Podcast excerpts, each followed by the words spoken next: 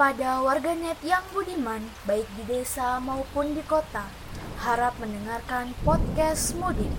Karena podcast mudik sudah mengudara. Sekali lagi, harap mendengarkan podcast mudik.